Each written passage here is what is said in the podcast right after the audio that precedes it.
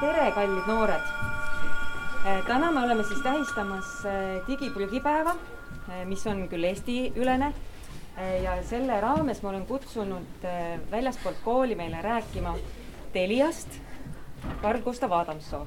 et ta siis tutvustab teile, mis asi on digiprügi ja miks sellest võiks vabaneda.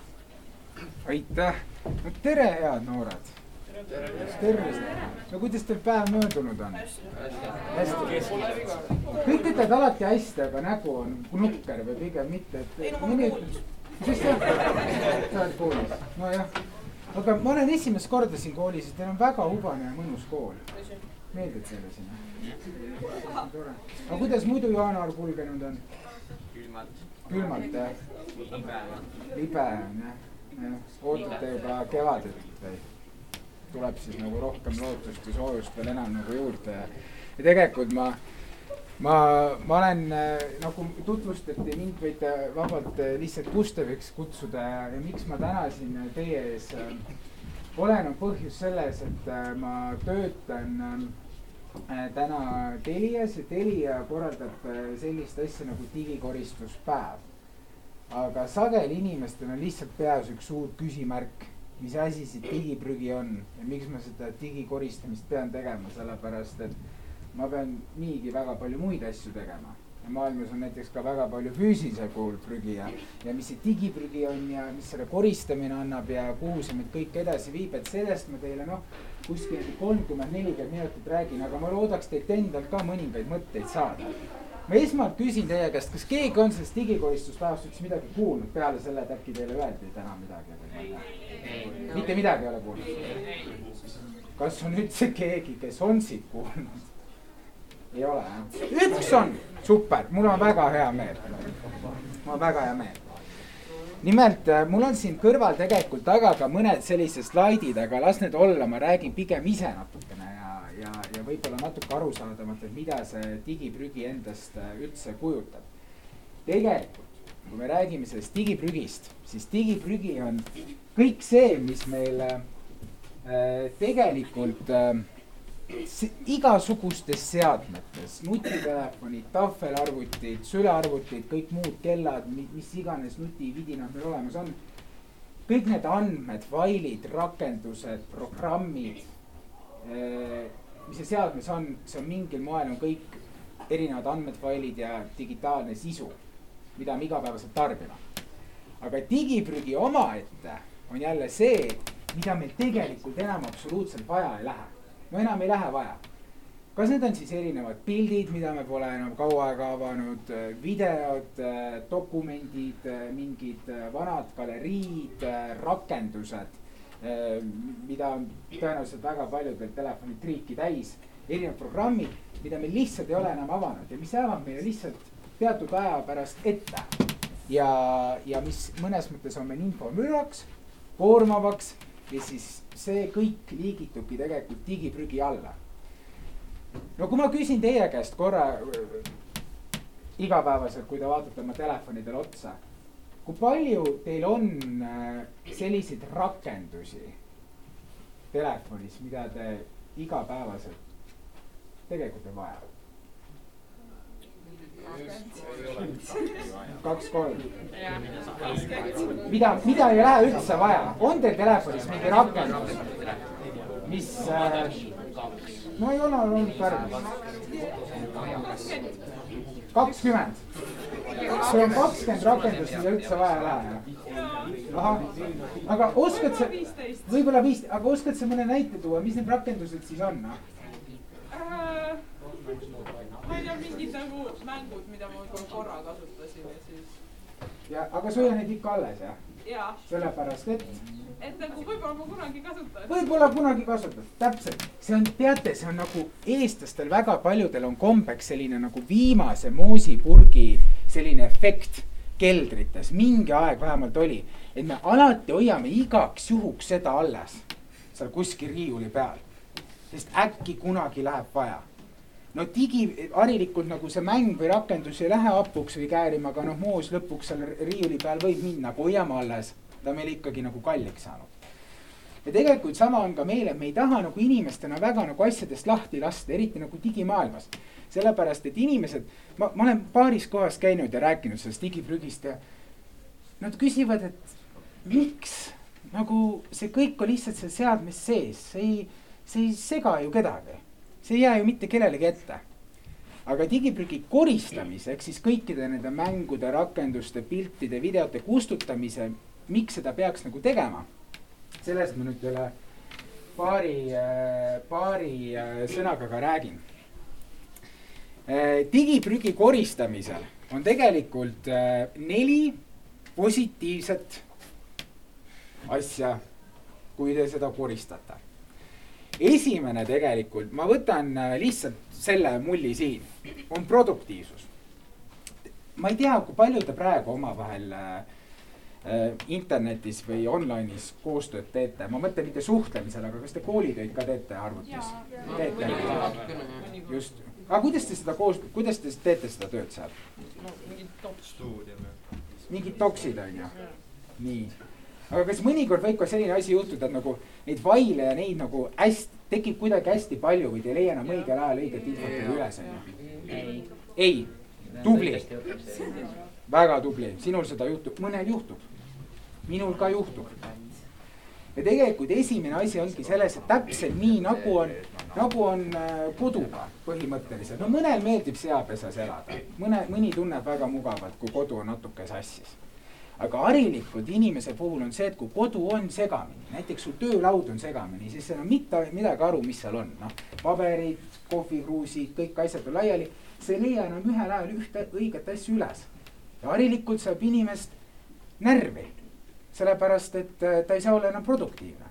ja tegelikult täpselt sama meil ka digitaalse maailmaga, et ühel hetkel, kui sul on erinevad kaustad arvutites või telefonides, galeriid on triiki täis igasuguseid asju. Siis ühel hetkel sa enam lihtsalt ei hooma, mis sul seal on. ja, ja see ait-, see ei aita kaasa mitte mingil moel produktiivsusele, kas me teeme koos tööd või ma teen üksinda tööd ja lõppkokkuvõttes asjad ei lähe päris plaanitult. ehk siis selline korrastatus ja mida vähem asju meil laual on, see aitab meile, meile kaasa, et me saaksime asjad õigel ajal ära tehtud. teine vaade, mis võib-olla siin on see keskkonnavaade. siin on kirjas küll nagu keskkonnareostus. See, seal on nagu kaks erinevat teemat sees. üks teema on see, et, et kõik need andmed, kõik need failid, mida me saadame, mida me vastu võtame mida me pilvedes, pilvekeskkondades, Google Drive'id ja Docsid, kõik, mida te ütlesite, mida me hoiustame. see, need kõik need tegelikult on äh, hoiustamisel äh, serveriparkides. eile just käisin oma kolleegiga Telias serveripargis ja siis lähed sinna äh, majja mingist luugist, kambrist sisse on ju, siis on tohutu suur ruum, tegelikult neid tohutu suuri ruume on äh, Eesti, Tallinnas lausa neli mis, mis on triiki täis, nagu ma ei oska öelda, mingisugustes ulmefilmides suurtest masinatest, millel need äh, tulukesed ringivad ja mis on siis nii-öelda need andmekeskused, serveripargid. mis äh, kõik teevad tööd selle nimel, et nad hoiaksid meie andmeid, faile, kõike seda, mis on pilves. aga et need andmekeskused saaksid töötada, selle jaoks kulub tohutult palju energiat. esiteks nende andmekeskuste üleval hoidmiseks aga kuna see andmekeskuste üle, nende töötamine tekitab tohutult palju soojusenergiat. Nad on, huugavad, nad on kuumad, on need andmekeskused, siis nende jahutamiseks kulub samuti tohutult palju energiat. ehk tegelikult kõik see, mida me oma telefonides teeme, arvutites, seadmetes, teistes, siis äh, andmekeskused peavad selle nimel palju rohkem tööd tegema. kuigi need on muutumas ka keskkonnasõbralikumaks ja targemaks, aga lihtsalt see kõver kuidas me oma digitaalset elu elame. see on nagu sellise hüppe teinud, ehk äh, lihtsalt nüüd ongi küsimus, kas tehnoloogia jõuab kenasti järgi. ehk äh, see on nagu üks selline aspekt, et kuidas me oma energiat hoiame ja see on väga suur seos meie igapäevase digieluga. aga teine, mis võib-olla nagu natukene, millest te saate võib-olla rohkem aru mitte, et ei oleks saanud eelmist asjast aru, aga mis on võib-olla hoomatavam või teile nagu võib-olla käepärasem teema, on erinevad seadmed. kõik erinevad uuringud näitavad ja räägivad praegu seda, et mida rohkem meil on digitaalset prügi, ehk andmeid, erinevaid faile, pilte, dokumente, äppe, seda rohkem meil läheb vaja ka enam seadmeid. Kui varasemalt oli võib-olla inimesel vaja ühte telefoni, noh, riiuli peal on ju, rääkis telefoniga, siis nüüd meil on telefon, nutikell, sülearvuti, tahvelarvuti, monitorid, nutikaalud, inimene, inimene on tõesti nagu nutimaailma sukeldunud, on ju. ja kõige selle kõrvalt, mida rohkem me andmeid tarbime, mida rohkem me digitaalset elu elame, seda rohkem me kasutame ka elektroonilisi seadmeid. mida rohkem me neid seadmeid tarbime, seda rohkem ka neid elektrooniliste jäätmete hulk ühel hetkel kasvab, sellepärast need seadmed jäävad ühel hetkel vanaks. ja mis on huvitav asi mis äh, alguses minule tundus tohutult veider, on see, et mis te arv-, ma küsin teilt, mis te arvate, miks keskmine Eesti inimene vahetab paari aasta tagant oma telefoni? mälu saab täis. mälu saab täis. tahtsid sama öelda? mälu saab tühjendada. töötab aeglaselt. Just, töötab, tööt-, okei okay,, mul hakkas koosolek tõesti mälu saab täis, seade töötab aeglasemalt ja see on kõik sellepärast, et just, see on digiprügi täis. ja harilikult inimene nagu nii kaua loeb triike oma seadme igasugustest asjadest, äppidest ja piltidest täis, kuni tuleb ühel hetkel telefon, ütleb sulle, sul ei ole enam ruumi, sul ei ole mitte midagi enam ruumi. Aga sa võid ju siis mingisugused äh, äpid, mida sa vähem kasutad, ära kustutada. Täpselt. täpselt ja siis hakkab inimesel, hakkab hullult kiiresti, teate, hakkab see SOS, see plaan hakkab tööle, nii.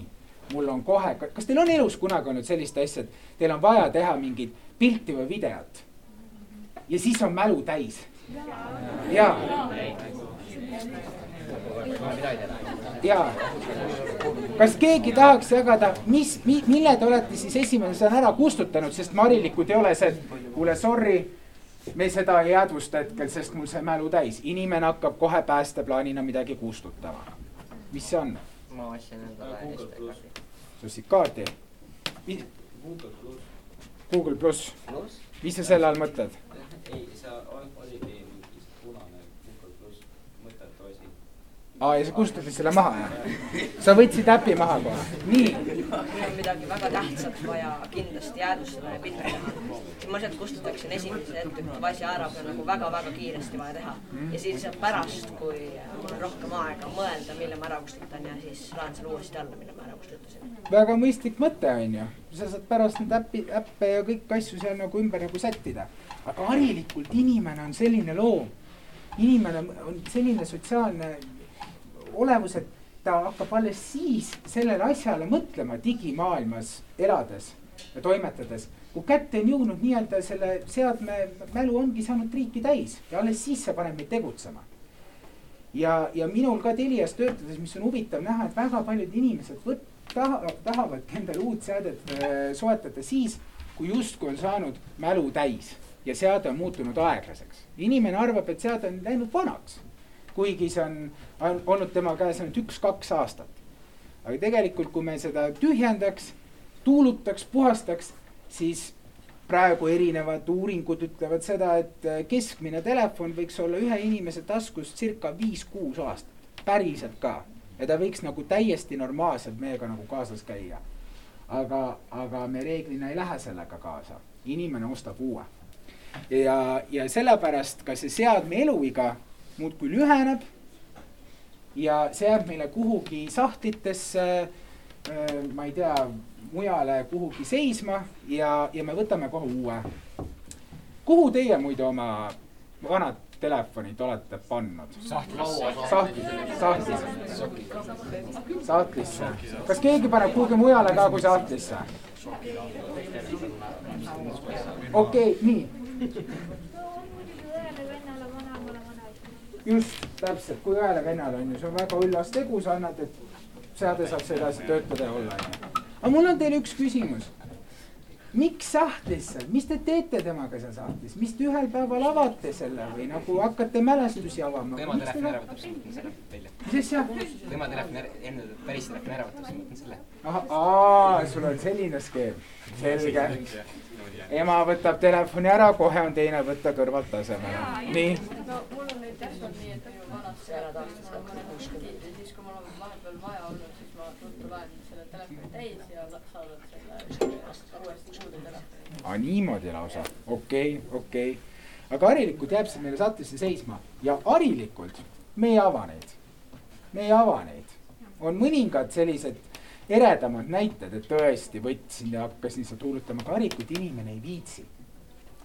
sellepärast ei tule oma olemasoleva seadmega ikkagi väga hästi toime, see on digiprügi täis, rääkimata siis nendest vanadest, millel on tolmukiht peal ja tegelikult see kõik jällegi need seisma jäänud seadmed ja mitte ainult tavalised nutitelefonid, vaid ka kõik erinevad mälupulgad, mis meil on mingid kooliprojektid sinna peale pandud, alla laetud, peale laetud, on ju.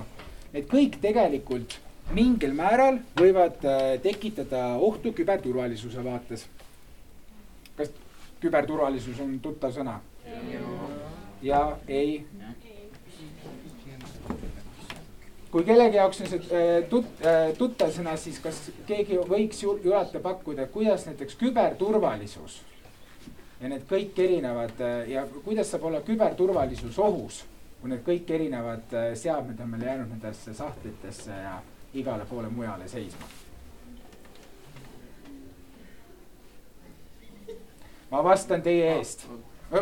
saab, sinna sisse ja siis sa ei kasuta seda enam. nii sa, ei vaata, mis seal toimub ja siis. sa ei, ta saab seal teha, mis ta tahab, nii et sa ei märka. ja põhimõtteliselt õige ja see on selles mõttes sa liigud õiget pidi. ehk siis esiteks nagu erinevad kontod küll, et eh, kui me räägime nendest seadmetest endast, siis harilikult kõige klassikalisem asi on see, et seade varastatakse ära. juhtub niimoodi, eriti hullud on need mälupulgad kõik erinevad mälupulgad, kus on meil ka pandud mingid hariku mälupulgad, inimesed lähevad sinna oma mingid CV-d või kooli lõputunnistused või lähevad kuhugi või saadavad mingid tähtsad asjad, siis on mälupulgale pandud. ja siis on kuhugi need nagu ära tõstetud ja siis need on kuskil jäävad sageli kas kuskile koti põhja või tasku põhja teiste kõikide teiste asjadega ja siis ühel hetkel noh, kaob ära. aga kui keegi teine, kolmas isik tahaks seda nii-öelda kasutada, ära kuritada, kuritarvitada, siis tal põhimõtteliselt oleks see võimalus ja ta saaks teie andmeid kasutada ja kuritarvitada, kui ta leiaks sealt selle võimaluse. Ehk siis esiteks nagu, et need seadmed kõik, mis meil on nagu erinevat riikinfot täis, et me tõesti nagu jälgiks ka, kus meil need seadmed on ja kuidas me neid hoiame. ja teine asi, mis sa tõid väga mõistlikult ka välja, on see, et kõik erinevad kontod lisaks, erinevad e-posti aadressid, mängukontod, kõik nii edasi millest meil ei ole enam halli aimugi pikka-pikka aega. me ei ole seda külastanud palju aega, me pole seal ühtegi parooli vahetanud. Tegelikult meil ei ole enam halli aimugi ka, et kes seal võib nagu toimetada. sellepärast, et selline asi on tänapäeval väga teemas nagu paroolide lekkimised. ja sinu selle konto parool võib olla lekkinud kuhugi musta digimaailma sfääri ja keegi võib olla seal juba toimetanud ja vaadanud, mis kirju sa oled saatnud mis andmed seal on, mis failid ja dokumendid on ju ja sinul endale teadmata tegelikult juba sealt taga konto sinu eest ka toimetatakse.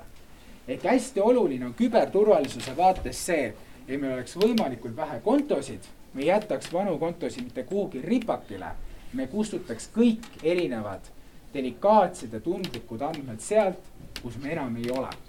Ja tegelikult meil on ka selline küberturvalisuse ekspert on Telias tööl ja ta on öelnud ainult ühe asja. Kõige lihtsam mõte, kuidas olla võimalikult küberturvaline. mida vähem, seda parem, ongi nii. aga kas selle küsi-, see, et, et no miks peaks digiprügi koristama, kas nagu kõnetas midagi või, või oli kõik suht mõttetu? kõnetus ikka. aga mis sind kõige rohkem kõnetas? või kui sa näed, näiteks sa täna ütled, sa täna digikoristad natuke, millest sa kinni haaraksid? produktiivne. produktiivsus jah, peaks nagu äppe kustutama. võiksid oma äppe kustutada jah. Harilikult inimene valib ja esimese asjana selle produktiivsuse, et natukene nagu tuulutada, et saaks nagu värsket õhkkonda, nii-öelda värsket õhku digiseadmetesse ka juurde. ja tegelikult seesama, see produktiivsusega on ka see teema, et harilikult äh, inimesed lihtsalt ei leia infot, seda müra on meil ümber niikuinii nii palju, mitte ainult meie seadmetes, ka kõikides erinevates portaalides ja uudistekeskkondades, ükskõik mis keskkondades ka teie suhtlete, seda infot on lihtsalt liiga palju. ühel hetkel inimene ei, lihtsalt ei jaksa, ei viitsi seda kõike enam nagu eriti taluda, ta väsib ära. ja sellest ma võib-olla ka natukene pärast räägin, kui me selle digiprügi teema oleme läbi rääkinud. ja teine asi on selles, et ikkagi maailmas on trend selline, et mida rohkem meil seda digiprügi on, seda rohkem me ka tarbime ja, ja, ja see on ka üks selline korralik mõju, et nagu ma ütlesin ka seda, et inimesed ostavad järjest enam uusi seadmeid. Nad ei viitsi mõelda selle digihügieeni peale, järjest ostetakse uusi seadmeid ja järjest enam ostetakse pilveruumi nendesse pilvekeskkondadesse, Google Drive idesse, igale poole. me justkui nagu tarbime ja tarbime ja tarbime enam, sest see on odav, see on lihtne, mugav, aga ometigi me ei mõtle sageli seda mälumahtu suurendades nende asjade peale, millest ma just mõni hetk tagasi rääkisin. et vot selline see igal juhul, igal juhul digiprügi teema on. ja see natukene võib-olla nagu raske slaid, aga sest ma näitasin paarile kolleegile ka täna hommikul seda, aga, aga mõned mõtted, mis siin slaidil igatahes on, on see, et kui me seda digiprügi koristame, siis esiteks ongi nagu lihtsalt võib-olla parem arusaam, eesmärk, et meil oleks paru, parem arusaam sellest, et kus meil mis tegelikult ka on, et ma oleksin nagu iseenda andmete ja enda seadmete peremehed. sellepärast, et sageli me mõtleme nagu seda, et ah, see digiseade on lihtsalt mingisugune meelelahutuslik vahend, mingi info vahetamise vahend meie igapäevaelus ja mina olen ikka mina ise, noh. ja mul on noh, ID-kaart taskus ja, ja seda ma näitan, kui ma pean ütlema, et mina olen see Mati või Kalle. aga tegelikult kogu see digimaailm, see kogu info, mida ma andnud, seal ongi tegelikult puhtalt meie identiteet ja me peaksime sellega päris hoolsalt ka ringi käima. ja teine asi, ma tean nagu iga asjaga, ma ei tea, paljud teist võtsid uuel aastal endale mingisuguse uue selle, mis see on? eesmärgi e. Telefon ka jah, eesmärgi eesmärgi, paljud teist võtsid uue eesmärgi? Mis eesmärgi sa võtsid? Äh, mu eesmärk oli olla uhke enda üle. väga hea, suurepärane eesmärk. ma, ma ausalt, enda üle peab uhke olema ja mul on enam-vähem sama eesmärk, aga, aga mis inimestega harilikult juhtub, ma loodan, et see eesmärk käib sinuga kaasas kogu aeg. aga harilikult, meil on ka aasta algus, miks me teeme seda digikoristuspäeva iga, iga aasta nagu alguses, noh kuu aega on juba olnud seda aastat, aga ikkagi jaanuar veel. ei noh, et vaadake, harikud, uus aasta algab, uus mina, uus hingamine, noh, puhas leht, nüüd ma tean, kuhu ma lähen ja nii edasi. ja me oleme tahtnud seda justkui nagu harjumuseks muuta, et see digikoristuspäev on nagu täna me räägime sellest, aga tegelikult me iga päev hakkaks natuke enam mõtlema sellele, et noh, et kas mul on neid kõiki rakendusi vaja ja kas äh, kõiki neid seadmeid ja, ja kõike seda, mida ma tarbin, äkki saaks kuidagi nagu targemini. aga harilikult ikkagi inimene nagu mingi hetk natukene vajub ära, ta on alguses hästi tubli, aga lõpuks läheb laisaks ära. ja sellepärast me katsume ka siin omalt poolt natuke seda teemat rohkem rääkida aasta lõikes, et inimestel tuleks meelde ja, ja nii lihtsalt ongi ja, ja täpselt nagu see mõte ka, mis siin paremal all nurgas on et kõik need andmed ja info, mida me nagu kasutame, siis tegelikult erinevad kirjad või dokumendid. Äh, või ma ei tea, mingi chat'id Messengeris, ükskõik mis. et mingi hetk on see, et, et kui, kui me teame, et see projekt või teema on läbi või see, mitte et suhtlus on läbi, et me enam ei suhtle, aga näiteks selle noh, grupivestlus on saanud läbi, oli kooligrupi töö et siis me mõtleks kogu aeg sellega, et äkki siis, et see nagu lõpetada, tasub ka nagu ära kustutada. Et me võiks nagu iga kord, kui me digimaailmas midagi nagu teeme, mõelda mitte ainult selle loomise peale, vaid ka lihtsalt selle peale, mis sellest edaspidi saab. ja, ja siin on mul lihtsalt äh, kaasa antud paar äh, soovitust äh, siis, et kuidas seda digiprügist puhtaks saada oma seadmeid puhtaks saada, aga ega see on igal inimesel omamoodi ja ma andsin juba päris suure portsu neid soovitusi ka kaasa. Ja, aga lihtsalt kõige suurem, absoluutselt kõige suuremat andmemahtu, mälumahtu seadmetes, kõik võtavad need erinevad fotod ja videod. nii lihtsalt on. harilikult äh,, harilikult äh, inimestele tohutult palju meeldib pildistada ja filmida, et koguda hetkeemotsioone. aga nad sageli ei taha seda nagu oma silmaga nagu üldse nagu noh, ise kogeda, vaid nad tahavad seda teha läbi ekraani vahenduse. Mis te arvate, miks see nii on? lihtsam. lihtsam. no näiteks, mis see lihtsam on? mm.? aga kui näiteks sul on äh, pere, suguvõsa kokkutulek, oled näiteks tänapäeval käid kontsertidel onju. no seda on järgmine aasta ka näha seda, seda, mis seal oli mm. -hmm. seda pärast ka näha onju. jah, mina käisin ühel kontserdil. teate, kui ilus kontsert oli, seal kõik tantsisid, onju. Ja siis mul ees oli üks, üks tore naisterahvas, kes filmis kogu aeg ka kontserti aga tal, noh, vaata, kui inimene hüppab ja tantsib, siis tal noh, see telefon nagu noh, käib nagu niimoodi, onju.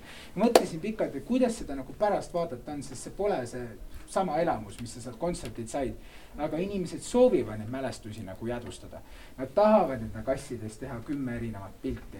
Nad tahavad koguda ilusaid ägedaid meeme enda telefone. Nad tahavad neid salvestada, sest äkki läheb kunagi vaja. ja äkki ma vaatan aga me, me naudime seda hetkeolukorda nagu tunduvalt vähem ja siin on kindlasti päris palju ka nüüd see tehnoloogia rolli mänginud, et meil on võimalik kõike, kõike koguda. aga point on lihtsalt selles, et inimene ei suuda kõike jälle seda pärast äh, ära tarbida. kõige olulisem ainult nendest. ei, need fotod ja videod on üks teema sest noh, ma kujutan ette, et kõik need videod, kui te näiteks, ma kuulsin, TikTok on tohutu suur trend praegu, TikTokis hästi palju saadetakse erinevaid klippe edasi, salvestatakse alla, saadetakse Messengeri. see on väga hea klipp, ma ei saada ühele inimesele, ma saadan kohe kahekümnele inimesele, on ju. ja, ja niimoodi see muudkui see võrk nii-öelda kerib, ämbliku võrk järjest suuremaks ja suuremaks ja suuremaks ja niimoodi me seda digiprügi toodamegi ja videod on kõige suurema jalajäljega üldse ja, ja teine asi, soovitus, mis on kaasa anda ja mis tegelikult ei ole ainult digiprügi kontekstis. ma käisin eile külas äh, Pirita Majandusgümnaasiumis ja rääkisin sealsete gümnasistidega. ja, ja tõin ka ette, et äh, digiprügi teemal, et loobu mittevajalikest sotsiaalmeedia teavitustest ja uudiskirjadest. siis äh, noored ütlesid seda, et kuidagi see, need erinevad seadmed, mis meil on igapäevaselt taskus need justkui nõuavad meie, meie nagu kohalolu kakskümmend neli seitse. kas, kui ma küsin seda teie käest, kas te tunnete ka, et, et kui näiteks tänapäeval keegi sulle kirjutab Messengeri või, või äh, lehvitab sulle millegi ägedaga, et sellele peaks justkui nagu kohe vastama? mõned ütlevad ei mõned ütlevad jaa. mitte kohe. võib-olla mitte kohe, aga vähemalt, et sa nagu vastad või nagu teab, et sa oled seda näinud. just, jah.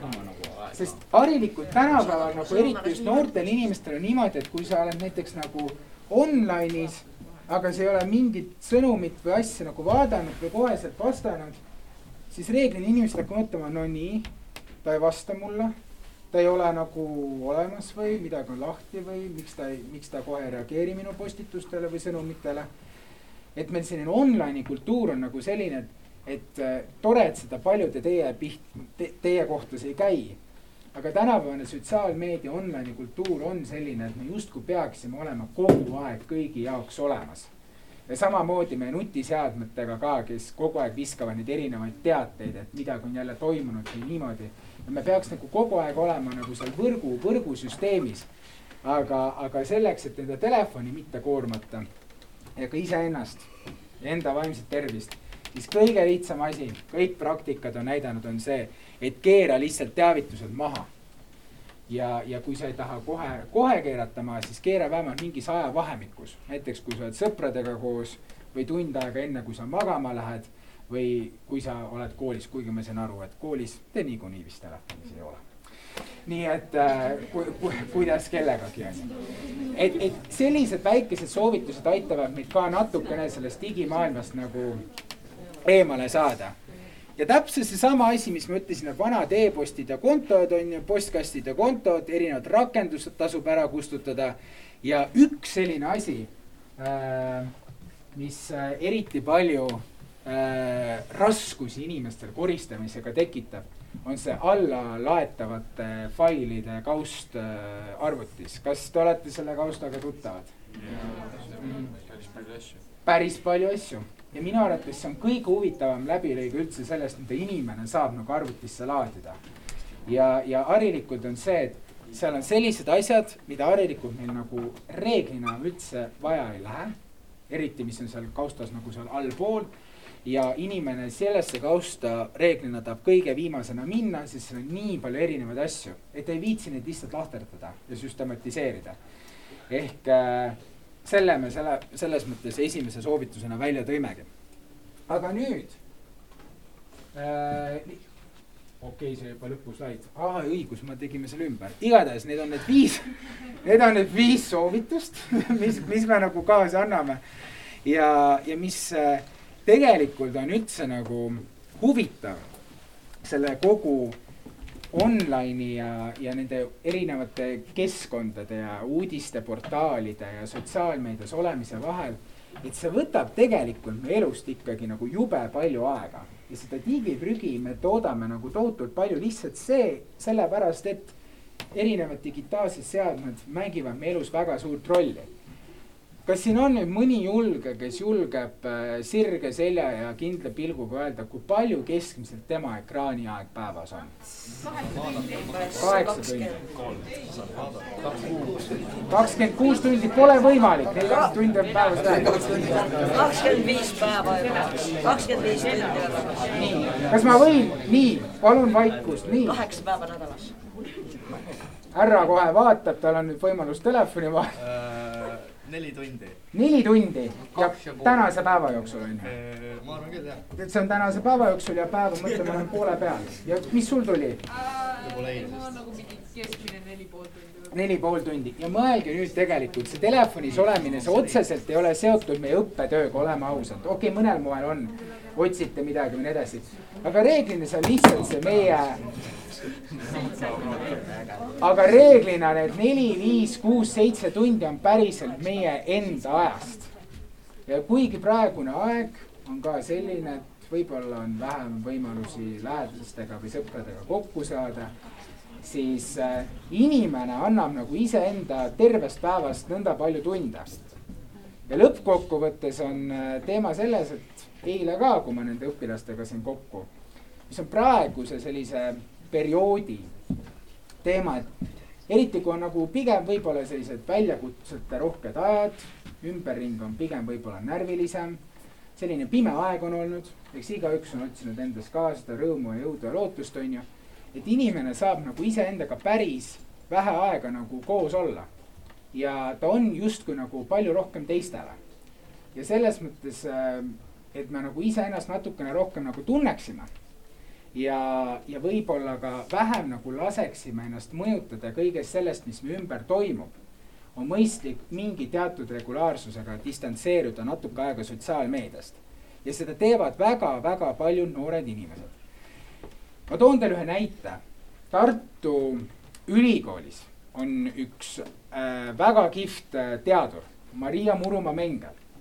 Ta on ka olnud, võib-olla keegi on teist temast midagi kuulnud, ta on olnud meediaõpetaja, aga nüüd ta õpetab äh, seal ajakirjanike valmised, uurib meediat ja tema eriline fookus on sotsiaalmeedial. ja tema viib oma tudengitega läbi eksperimenti. sotsiaalmeedia vaba nädal kas keegi teist on teinud sotsiaalmeedia vaba perioodi? ma kunagi kasutan sotsiaalmeediat. kunagi? nii. Teil on ekraanivabad päevad, on ju? nii. Teil on ekraanivabad päevad, aga sotsiaalmeedias, sotsiaalmeedia vaba päeva nädalat on keegi teinud? mis sa sotsiaalmeedial silmas pead? Facebook, Twitter, Instagram, Reddit, kõik mis on aga need tudengid, need tudengid, kes on seda eksperimenti läbi viinud ja seal osalenud, mis te arvate, kuidas need tudengid on sellega hakkama saanud? kustutan kõik ära. et raskelt, see on olnud päris raske. harilikult on äh, Maria, kes seda projekti veab, on väga-väga värvikalt äh, kirjeldanud kogu seda protsessi, kuidas üks noor inimene katsub sotsiaalmeediast eemale saada ja vähem siis digitaalset jalajälge ja digiprügi üldse kasvatada jätta. esimene päev, kui inimene tahab sotsiaalmeediast võõranduda, taanduda, siis toimub valgustus. noor inimene läheb viimast korda Facebooki, ükskõik või Instagrami või ükskõik mis platvormile ja annab teada, et äh, ma nüüd lähen viie mitte pärast ütleb ei. jah, ma nüüd lähen, et te kõik teaksite. ärge mind, et aga ma võib-olla tulen kunagi tagasi. kõike kaunist, toimub puhastus, nii, ja ta on teinud tohutu suure sellise statement'i või väljaütlemise, nii, ja ta kaob. möödub üks-kaks tundi. kui harilikult äh, noorel inimesel, tal hakkab nagu, tal, ta ei võta veel telefoni aga on reaalselt, see sotsiaalmeedia nutiseamed on mänginud mu ajukeemiaga, Jaan Aru teile kindlasti rääkis. ta on mänginud niimoodi mu ajukeemiaga ja noor inimene läheb närviliseks ja reaalselt tekivadki esimesed tundemärgid. inimene läheb närviliseks, natuke võib pulss tõusta, tekib oht, millest ma olen ilma jäänud. kui läheb üks-kaks päeva veel mööda inimene on üritanud ilma sotsiaalmeediata olla, siis tekivad üldse küsimused noorel inimesel peas. aga kuidas inimesed suhtlevad? kas nad üldse nagu, kuidas muidu suhtlemine käis enne nutitelefoni või kuidas ma saan inimestega suhelda ilma nutitelefonita? ja siis inimene hakkab mõtlema selle peale, oota jaa, on ju olemas võimalus külla minna või otsa vaadata inimesele või telefonikõne või midagi muud, on ju. inimene hakkab leidma enda kõrval neid kõrval, neid asendustegevusi, kuidas hoida inimestega ühendust, sellepärast see projekti mõte ei ole selles, et ta peab nagu läbi lõikama. ja lõpus toimub nii-öelda sellel viimasel kahel päeval toimub nii-öelda reaalselt mingisugune rahu. ja rahu tuleb majja tagasi, et okei okay,, ma sain nagu leida enda päeva reaalselt see neli, viis, kuus, seitse tundi iseenda aega. esimesed päevad olid päris raske, sest ma ei leidnud tegevust, aga ilmselgelt sa ei leia tegevust. kui sa oled ülejäänud kõik need aastad programmi peale lasknud viis-kuus tundi sotsiaalmeedias. väga raske on siis järgmisel päeval mõelda, et mida ma nüüd täna teen. et selles mõttes see algus on väga raske, aga kui mingisugust harjumust tekitada, siis inimene võib päris õnnelikuks ja rõõmsaks ka muutuda. ja seda need kõik eksperimendid on ka rääkinud. ja tegelikult üleüldiselt, kui me räägime sellest kõigest digitaalsest maailmast, siis päris põnev on vaadata, mis meist äh, tulevikus äh, digimaailmas saab. sest äh, sotsiaalmeedia teadlased, eksperdid on öelnud seda, et see kõver, kuidas me oleme erinevat digitaalset maailma tarbinud, on hästi järsult hüpanud üles, hästi järsult hüpanud. ja on selline nagu Rootsi laua efekt, nagu üheksakümnendatel oli näiteks Rootsi kruiisil, et laud oli lookast riiki täis erinevatest toitudest. inimesed panid endale kotti ka kaasa, salatit ja kõike kukleid ja asju, sest äkki läheb vaja. äkki mul läheb see veel korda, kuigi tegelikult tõenäoliselt saadetakse hapuks ja kukkel kõvaks. aga mulle, ma võtan selle endale ja sama lugu on praegu hetkel nagu oli mullu, on nüüd praegu selliste digitaalsete kanalite sotsiaalmeediaga. ja nüüd on toimunud selline arutelu ja ennustus, et ühel hetkel see sotsiaal, digitaalne kõver hakkab minema alla. inimene tegelikult hakkab nagu distantseeruma absoluutselt kõigest, milles me praegu võtame nagu maksimumi, sellepärast et inimene on küll selline sotsiaalne mehhanism loom, ta tahab suhelda, ta tahab olla, ta tahab inimestega rääkida, aga ta ei jõua ka igal pool kõik olla. et sa tegi, tegelikult väsid ära ja nüüd ongi, ma ei tea, viiekümne aasta perspektiivis ongi põnev näha, mis sellest kõigest saab. ja kindlasti see kõik mingil moel katsub siis võib-olla kokku tõmmata ka seda, et me ei peaks nii palju enam erinevaid asju tarbima ja kasutama, aga seni, kuna, kui me veel oleme digimaailmas maksimumi äh, haaramas äh, võiksime pöörata tähelepanu kõigele ja sealhulgas ka siis sellele digiprügi kustutamisele. vot. on teil küsimusi muidu? või olete te juba ära väsinud, jah? muidu, kui sul on mingid vanad kontod, mida sa üldse enam ei kasuta, kuidas sa neid nagu ja sa ei tea hästi paljudes äppides sa oled neid pannud, siis äh, kuidas sa neid ära saad kustutada? Kas neid üles tean, ma tean, et on mingid lehed, millega sa saad enda Gmaili panna, siis näiteks kõik kontod, mis sul on see Gmailiga seotud ja näiteks. kui sa oma Gmaili mulle. kui sul on Gmaili mäletad. telefoninumber siis. isegi enda igapäevane. kuule, jube kasulik küsimus. tead, ma ei julge sulle puusalt praegu öelda, aga teeme uurin kohe oma kolleegi käest välja seal paar olulist sammu. ma olen õpetaja, ma annan teada. See on jube huvitav, ma tean, seda saab, seda saab vaadata kõik need, mille kontoga sa oled äh, seotud, onju. ja kont-, parooli saab ka kätte mis asja? mul on üks konto, mida ma mingi kümme aastat kasutanud ja see on nagu ma äh, arvan, et on väga palju Gmaili asju olla konto sees. Mm. no vot, näed, siin on vist eksperte, te saate siin teineteist toetuda. Ja siis vaadata. aga on veel kellegi mõni, aga ma jätan selle meelde, ma uurin täna kolleegi käest. miks on Telia huvitatud sellise asja korraldamisest, sest Teliale on ju kasulik, kui kasutatakse rohkem. teoreetiliselt on lihtne suurem. selles mõttes sa panid praegu kümnesse päriselt oma küsimusega. vaata, mõte on selles, et nii nagu laste teemal ja noorte teemal, ma ei tea, kas keegi on kuulnud Suurima Ülguse algatusest või mitte, on see, et, et sellistel suurtel ettevõtetel, neil on äriliselt juba kohustus teha oma äri vastutustundlikult.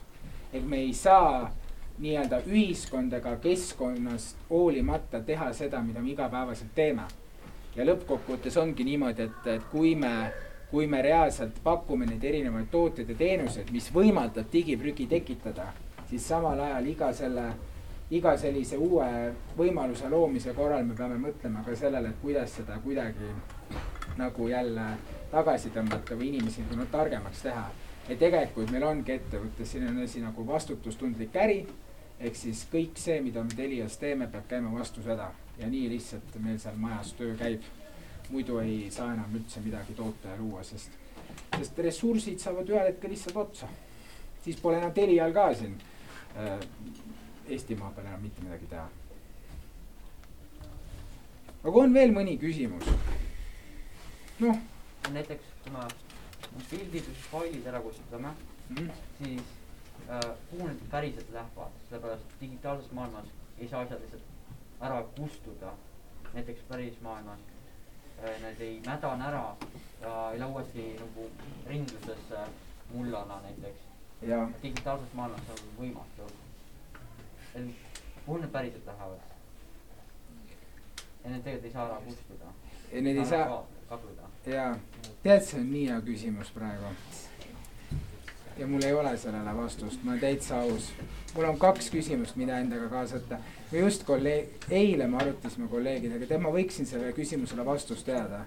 aga mu sees praegu ütleb, ma tõesti, mis see täiesti lõpp, see teekonna lõpp on ühel digifailil. Ma uurin sellega, mul on täna mitu küsimust, millega kontorisse tagasi minnes uurida ehk siis kuidas nende kontode sidumisega, kus on see viimane digi, selle andmefaili teekond? ma selle küsin läbi. väga põnevad küsimused, ma olen jah. vot, sa oled esimene inimene, kes küsib seda nelja aasta jooksul ja see on nii loogiline küsimus. et see kõige viimane punkt, ma seda uurin välja. Aga on veel mõni küsimus, olete juba, on juba ei viitsi enam seda kuulata. ei ole vist enam, ma ei tea, kuidas meil ajaga on. aeg sai täis vist jah? aeg saigi täis, jah. üks küsimus. Et äh, näiteks arvutis, mis on kõige lihtsam viis peale download folder'i äh, nagu vabastada ruumi enda osas. teine asi on ikkagi desktop, see desktop on täpselt samasugune, see, see harilikult inimene nagu need kõik asjad tõstab nagu desktopile. kui paljudel teil on desktop näiteks triiki täis erinevatest asjadest? Ühtegi asja ei ole. ühtegi asja ei ole, ideaalne. mina, ma üritan just desktopi võimalikult tühjana hoida. võimalikult. siin on taustapilti ka äkki? mul on niimoodi, et nagu mul desktop ei ole täis otseselt, aga see on sellepärast, et ma kustutan shortcut'id ära Mhm. ses mõttes, aga nagu failid ikka mul kuskil on niimoodi, et mul SSD mälu täis. Äh, mul on küsimus selle kohta, et kui sa vaatad näiteks oma arvutimälu seda joont, siis seal on hästi suur hall osa on other. Mis see other on? et on nagu äpid, on fotod ja siis on other. kas see peaks olema sisemine see süsteem? nagu jah, see on see sisemine süsteem ja tegelikult see on ka see teema, no kui sa teed tarkvara uure, uuendust näiteks on ju, siis äh, harilikul, mis ongi see, need kõik erinevad tootjad peavad ka sellele mõtlema, et näiteks kui te olete Apple telefonide omanikud, iPhone'i omanikud, siis harilikul, mida enam sa uuendusi teed, seda suurema gigabaitide arvuga need uuendused tulevad. et ühel hetkel sul ongi nagu telefon triiki täis nagu seda uut seda tarkvara, aga sul enam äppe polegi nagu peale laadida. ja siis sa pead justkui nagu juba uue telefoni ostma, sest sul enam mitte midagi sinna enam ei mahu, et see peaks olema, jah, see on see. Aga kuulge, ma loodan, teil oli enam-vähemgi tore, sest mul oli ausalt, ma olin esimest korda.